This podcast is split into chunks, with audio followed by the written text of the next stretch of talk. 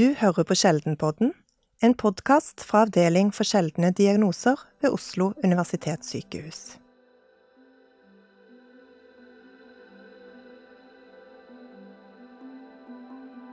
Jeg har jo drenert en del absessere selv. Jeg fikk hyppigere byller før, og de var ganske langt opp i dagen, som jeg pleier å si, eh, ute på huden. Og da er de gjerne røde, og du kan se at, eh, du kan se at eh, pusset ligger under der. Og da er det jo ta et hull, og så må du få det ut, da. Og, og renses. Var kun de mest alvorlige tilfellene som ikke kunne tas selv, som skulle tas på sykehuset.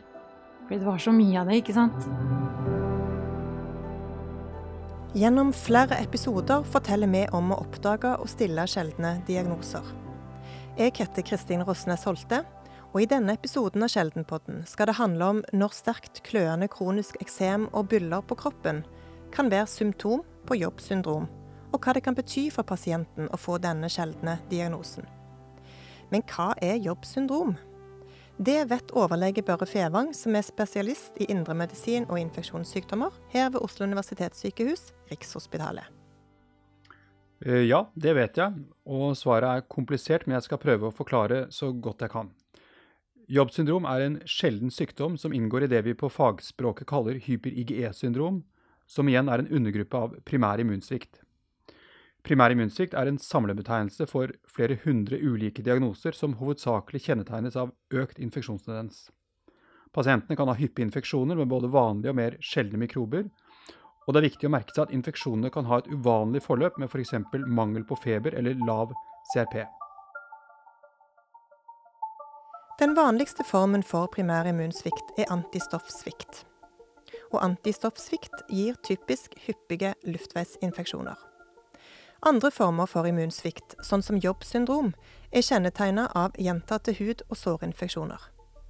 Børre forteller at primær immunsvikt kan føre til utvikling av sterile betennelsestilstander i form av autoimmun eller autoinflammatorisk sykdom, som kan ramme en rekke organer i kroppen. Og enkelte former for primær immunsvikt kan disponere for kreftsykdom. Immunsystemet består av mange forskjellige komponenter og celler, og primær immunsvikt kan inndeles etter hvilke deler av immunsystemet som fungerer unormalt. Jobbsyndrom og hyper-EGE-syndrom sorterer inn under det vi kaller granulocytteffekter, dvs. Si at pasientens granulocytter ikke fungerer som normalt. Granulocyttene er hvite blodlegemer som er viktige i forsvaret mot bl.a. hud- og sårmikrober som stafylokokker. Pasienter med jobbsyndrom er derfor spesielt utsatt for hudinfeksjoner med stafylokokker, i form av overfladiske, men også dypere absesser, altså byller. Men de kan også få alvorlige lungebetennelser. Pasientene kjennetegnes også av svært høye nivåer av IGE, ofte på flere tusen, derfor navnet hyper-IGE-syndrom. IGE er vanligvis knyttet til allergi, men det er sannsynlig ikke tilfellet her, og vi tror egentlig ikke de høye nivåene av IGE er symptomgivende. Høye IGE-nivåer er altså ikke noe som trenger behandling i seg selv. Men hva er det som er årsaken til at noen får eh, jobbsyndrom? Ja, det er mange former for primær immunsvikt som er arvelige og knyttet til genetiske varianter, mutasjoner, som er kjente og godt beskrevet.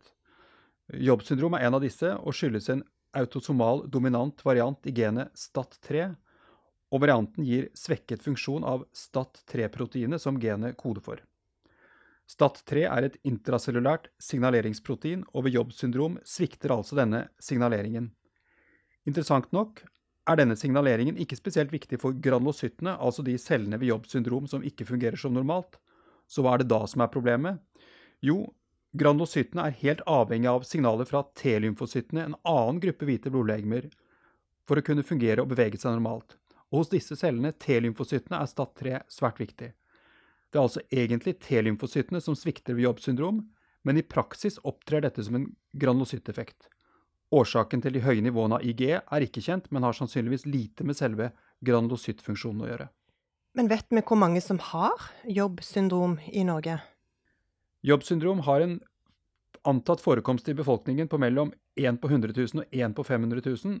Det vil si at det kanskje er mellom 10 og 50 pasienter med dette i Norge, men dette vet vi ikke sikkert. Det er uansett ikke mange og betyr at jobbsyndrom ikke bare er en sjelden sykdom, den er det vi kaller for en ultrasjelden sykdom.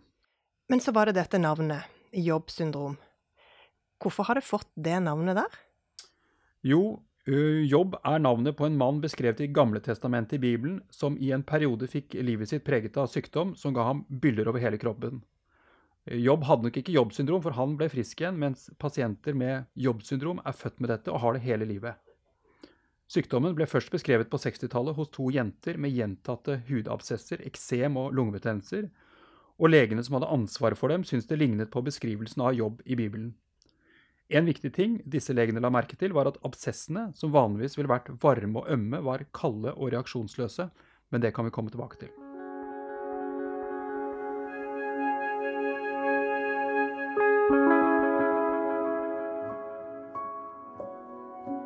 Katrine er en ung kvinne i 20-årene som bor på Østlandet.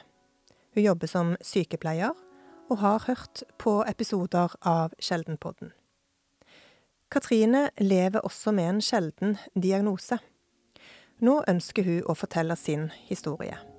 Kanskje kan det bidra til at sykdommen blir mer kjent, og at du sjøl kan lære mer om diagnosen.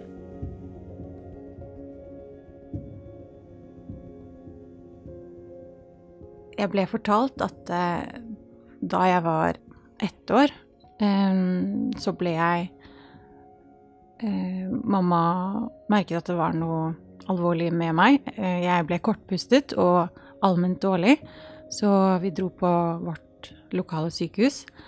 Eh, og når de da utførte Eller når de hørte på lungene mine, så fant de ikke lyder der hvor det skulle være lyder. Eh, og da ble jeg hastekjørt med helikopter til Jeg tror det var Drammen sykehus. Og det viste seg da at lungene mine hadde på et vis forflyttet seg, og at jeg hadde da um, Når de så på setebilene, så forsto de ikke helt hva som hadde skjedd, men jeg har alltid hørt at Eller beskrivelsen var at det var som om en del av lungen min var blitt spist opp. Um, og legene forsto ikke hvorfor. Men eh, de undersøkte meg, og de prøvde også mye forskjellige um, behandlinger. De eh, Ja, jeg har hørt, har hørt, at de har både tappet og blåst opp lungen, og også fjernet en del av lungevevet. Eh, de forsto at det var da en infeksjon etter hvert som hadde angrepet av lungen min. Eh, at jeg hadde en lungeinfeksjon som var uvanlig da, for en så liten jente. Børre forteller at jobbsyndrom er medfødt, og at det er vanlig at symptomene oppstår fra spedbarnsalderen, selv om sykdommen er uvanlig. Først med et hissig utslett i ansikt og hodemunn som sprer seg nedover kroppen, etter hvert med dannelse av pustler og kryster og mer tydelige tegn på hudinfeksjon i form av absesser. De har også et svekket forsvar mot sopp og kan ha tegn til soppinfeksjon både på hud og slimhinner, f.eks. i form av soppstomatitt med candida, de er utsatt for lungebetennelser og kan bli svært syke av det. Men det er viktig å huske på at samme sykdom kan opptre på forskjellig vis hos forskjellige pasienter, samtidig som kombinasjonen av stadige hudinfeksjoner og alvorlige lungebetennelser er ganske typisk for jobbsyndrom. Katrine er innlagt på Drammen sykehus med en alvorlig lungeinfeksjon. Sjøl husker hun ingenting fra denne første tiden. Men for de relativt ferske foreldrene er dette en svært skremmende opplevelse. Men så skjer det noe uventa. Og så gikk det en tid, og så ble da lungen plutselig bedre. Eh, jeg spurte pappa om hadde de gjort noe, hadde jeg fått noen behandling fra det første bildet til det andre, men da sa han nei. Eh, så da, med tiden, hadde en oppspist lunge av eh, bakterier helet seg, da. Eh, og det her kunne ikke legene forklare. Eh, pappa fortalte at det var nesten så de klappet i hendene når de så på før og etter røntgenbilder. Eh, så måtte de også De sendte også et brev til USA, eller vi Hvor de viste disse bildene, og de var også forundret over eh, at det var blitt så mye bedre, da. På underlig vis.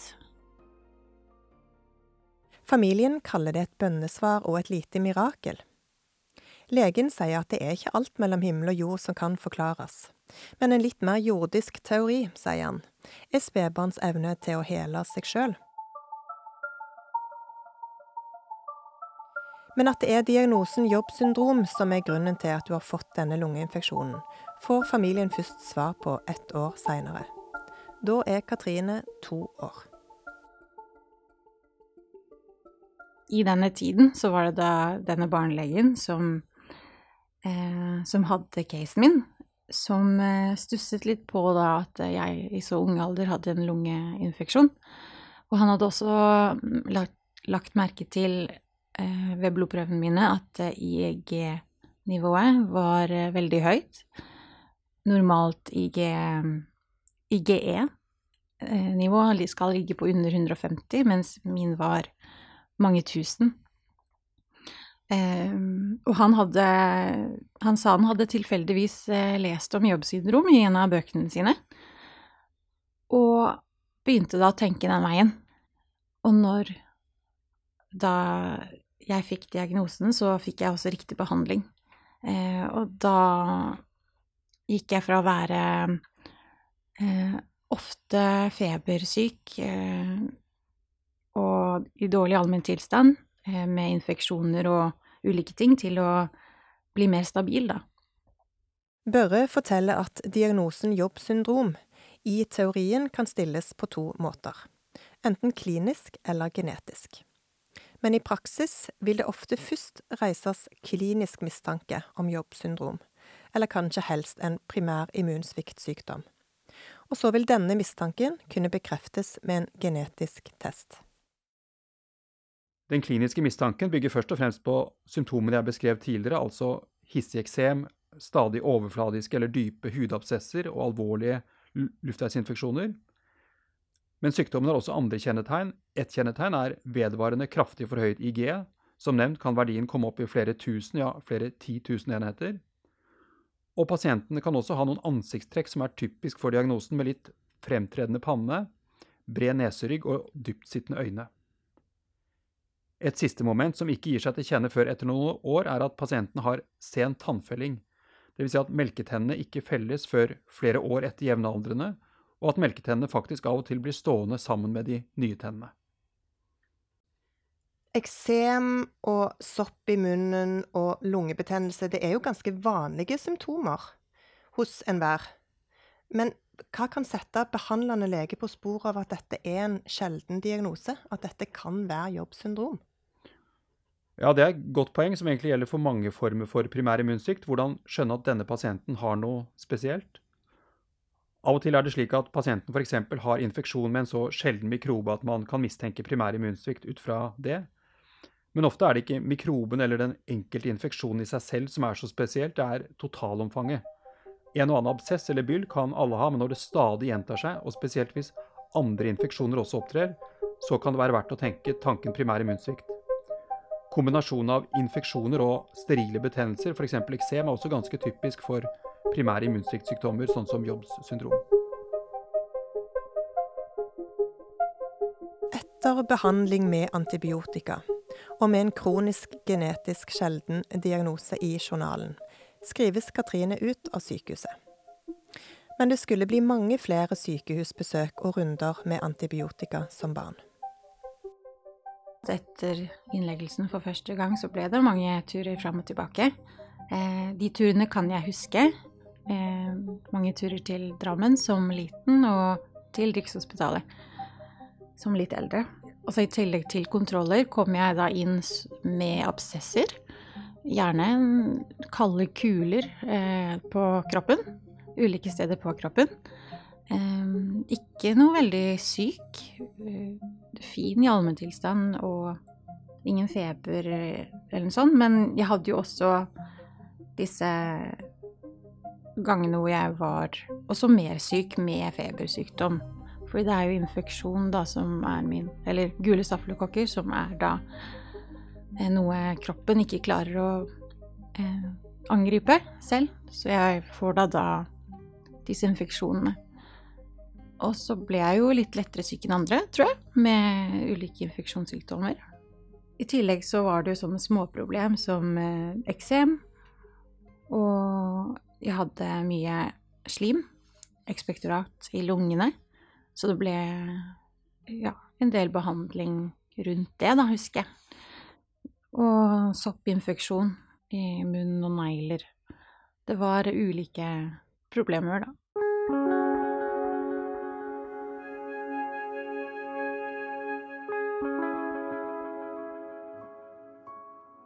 Det er stort sett antibiotika som er behandlingen av symptomene som følger med Jobbs syndrom. Og som Katrine forteller, så bør det være en kur som virker på stafylikokkinfeksjoner, hudinfeksjoner eller luftveisinfeksjoner. Bakterieprøver med resistenstesting er en god hjelp for å velge rett antibiotika, men er ikke alltid tilgjengelig. Mange pasienter står på forebyggende behandling med trimetoprim sulfat-tabletter, som er ganske bredt virkende middel som dekker stafylokokker og har vist seg trygt å bruke over lengre tid. Er det annen type behandling som er testa ut for denne primære immunsviktdiagnosen? I prinsippet så kan jo primær immunsvikt behandles på, på, tre måter. Vi kan enten gjøre noe med symptomene på, på sykdommen, f.eks. ved å bruke antibiotika som forebyggende medisin eller ved infeksjon. Noen ganger kan vi erstatte eller stimulere til danning av stoffer eller celler som mangler, f.eks. ved å gi kolonistimulerende faktor til pasienter med lave hvite blodlegemer, leukopeni. Endelig så kan vi skifte ut hele immunsystemet ved en stamcelletransplantasjon, eller benmarkstransplantasjon om du vil. Da blir pasienten i prinsippet helt frisk, men det er en tøff behandling, og man må føle seg trygg på at gevinsten oppveier risikoen ved behandlingen. Stamcelletransplantasjon er utprøvende behandling for jobbsyndrom, men kan vurderes om pasienten har svært store plager og vil ikke få kontroll på annet vis. Er det noen vaksiner som ikke kan gis til de med jobbsyndrom, sånn som det er ved andre typer primær immunsviktdiagnoser? Ja, generelt skal man være forsiktig med levende vaksiner hos pasienter med primær immunsvikt, dvs. Si f.eks. BCG-vaksinen, MMR-vaksinen, meslinger, kusma, røde hunder, og vaksine mot gulfeber.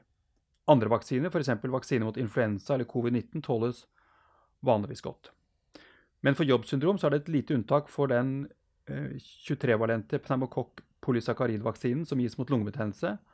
Akkurat den vaksinen er rapportert å gi alvorlig hudreaksjon hos pasienter med jobbsyndrom. Er det den vaksinen som folk vanligvis får for å forebygge mot lungebetennelse? Ja, det stemmer. Fins det varianter? Det fins en annen variant som, uh, uh, hvor det ikke er beskrevet samme type reaksjon. For disse pasientene som jevnlig blir behandla med antibiotika, står de i fare for at eh, det en dag vil slutte å fungere sånn som antibiotika er tenkt?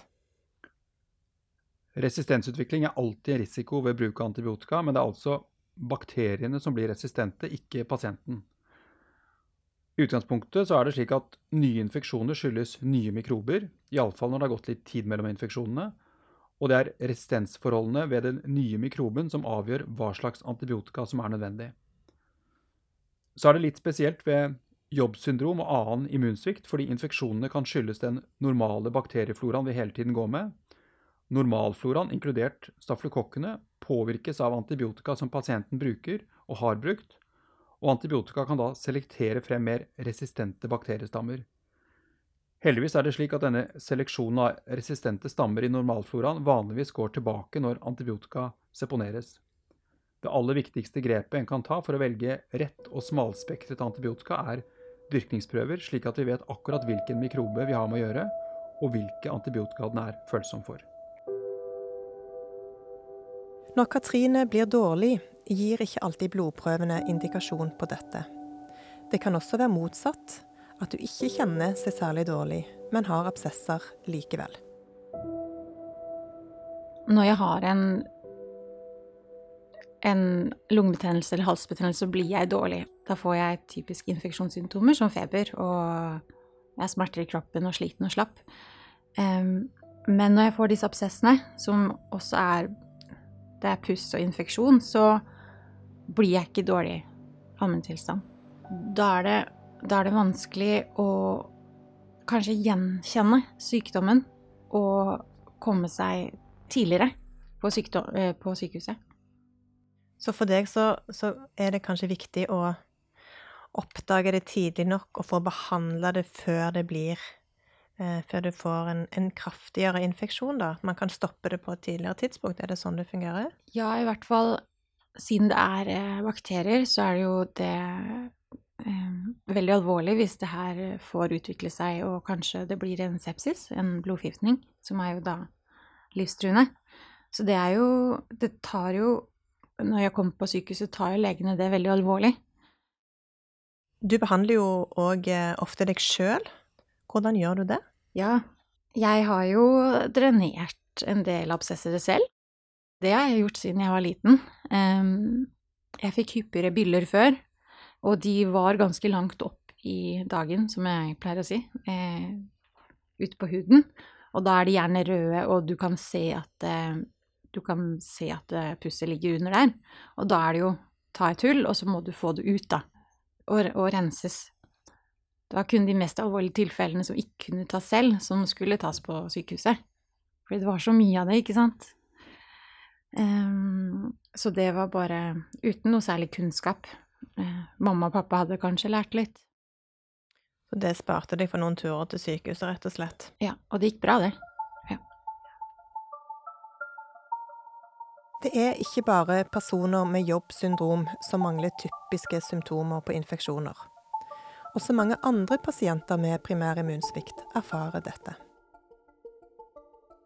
Årsaken er nettopp immunsvikten i seg selv. For det er ikke mikrobene som lager feber når vi har infeksjon, det er immunsystemet. Og når immunsystemet svikter, så svikter også evnen til å utvikle feber. Tilsvarende gjelder for disse kalde absessene. Vanligvis vil byller og absesser være varme, røde og ømme.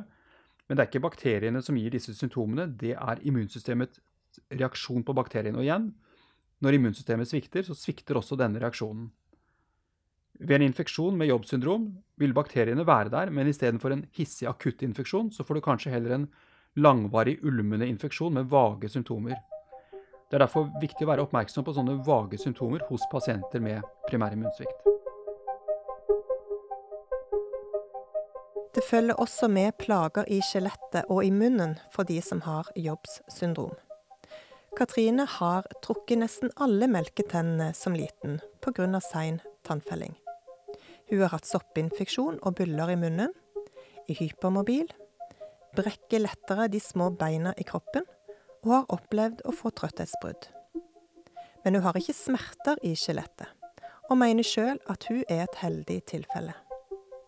Børre sier at det er forskjeller fra pasient til pasient i hvor stor grad de er plaga i munn og skjelett. Det er økt forekomst av, av skoliose, skjev rygg, hos pasienter med jobbsyndrom. Det er det ikke så mye å gjøre med, men de er også utsatt for osteoporose, benskjørhet. Og det er derfor et poeng å gjøre benmineralmåling hos voksne pasienter med jevne mellomrom og spesielt hvis de har hatt et brudd, selvfølgelig. Plager fra munnhulen kan være knyttet til to ting. Stadig infeksjoner i slimhinnen, typisk med gjærsopp som candida eller i tannkjøttet. Og også plager fra manglende felling av melketennene, som vi var inne på i sted.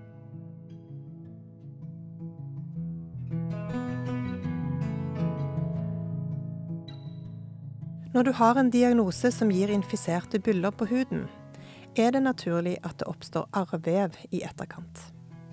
Med årene merker Katrine at det kan være litt tøft mentalt, og at det begrenser mer enn hun ønsker.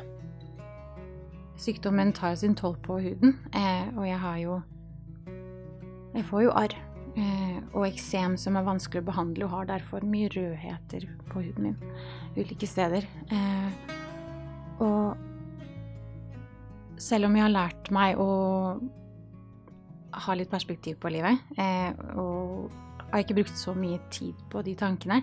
Men det er jo Jeg liker jo ikke å gå med bar rygg eh, om sommeren eh, alle steder. Det går fint eh, på stranden med ukjente mennesker, eller i nære relasjoner, da, med personer som jeg kjenner godt. Men når vi f.eks. da spiller volleyball ute om sommeren, så sørger jeg for å ha en T-skjorte som har både korte ja, har armer eh, sånn T-skjortearmer og eh, dekker til ryggen, da. Eh, fordi det er, det er litt sjenerende. Men i, i, tillegg til disse dette på ryggen, så har jeg også andre ting. Sånn som eh, oppspiste negler, eh, litt skeive tær. Altså andre ting som syns. Så jeg lærer jo meg at eh, jeg må jo være som jeg er. Jeg kan ikke endre på dette her. Eller Det synes jo. Så, og jeg kan ikke være noen andre enn meg selv. Så da blir det opp til de jeg er med, om de liker meg.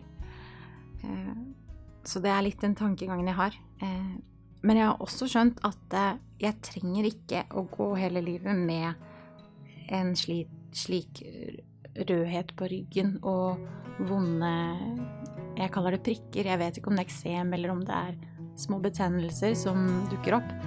Men jeg kan gå til legen og fortelle om det og, få, og prøve å få behandling. Katrine skulle gjerne hatt en fast person hun kan henvende seg til. En person som ser hele mennesket, og som skjønner at også små symptomer kan ha betydning for livskvaliteten. Hun ønsker også å vite om det finnes et spesialisert miljø som helsepersonell lokalt kan henvende seg til ved ulike spørsmål som har med diagnosen å gjøre. Oslo universitetssykehus er nasjonalt kompetansesenter på primær immunsvikt, inkludert jobbsyndrom, og det innebærer at vi har et særlig ansvar for å være oppdatert om diagnostikk og behandling av disse sjeldne sykdommene.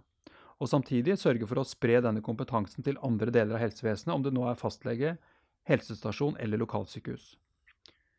Vi har regelmessig oppfølging og kontroll av pasienter med primærimmunsvikt her på Rikshospitalet, og forsøker å ha en fast lege for den enkelte pasienten, men dette er dessverre ofte vanskelig å få til. Uansett er det slik at vi gjerne vurderer pasienter med primær immunsvikt fra hele landet, så det er bare for fastlege eller lokalsykehuset å sende henvisning til oss.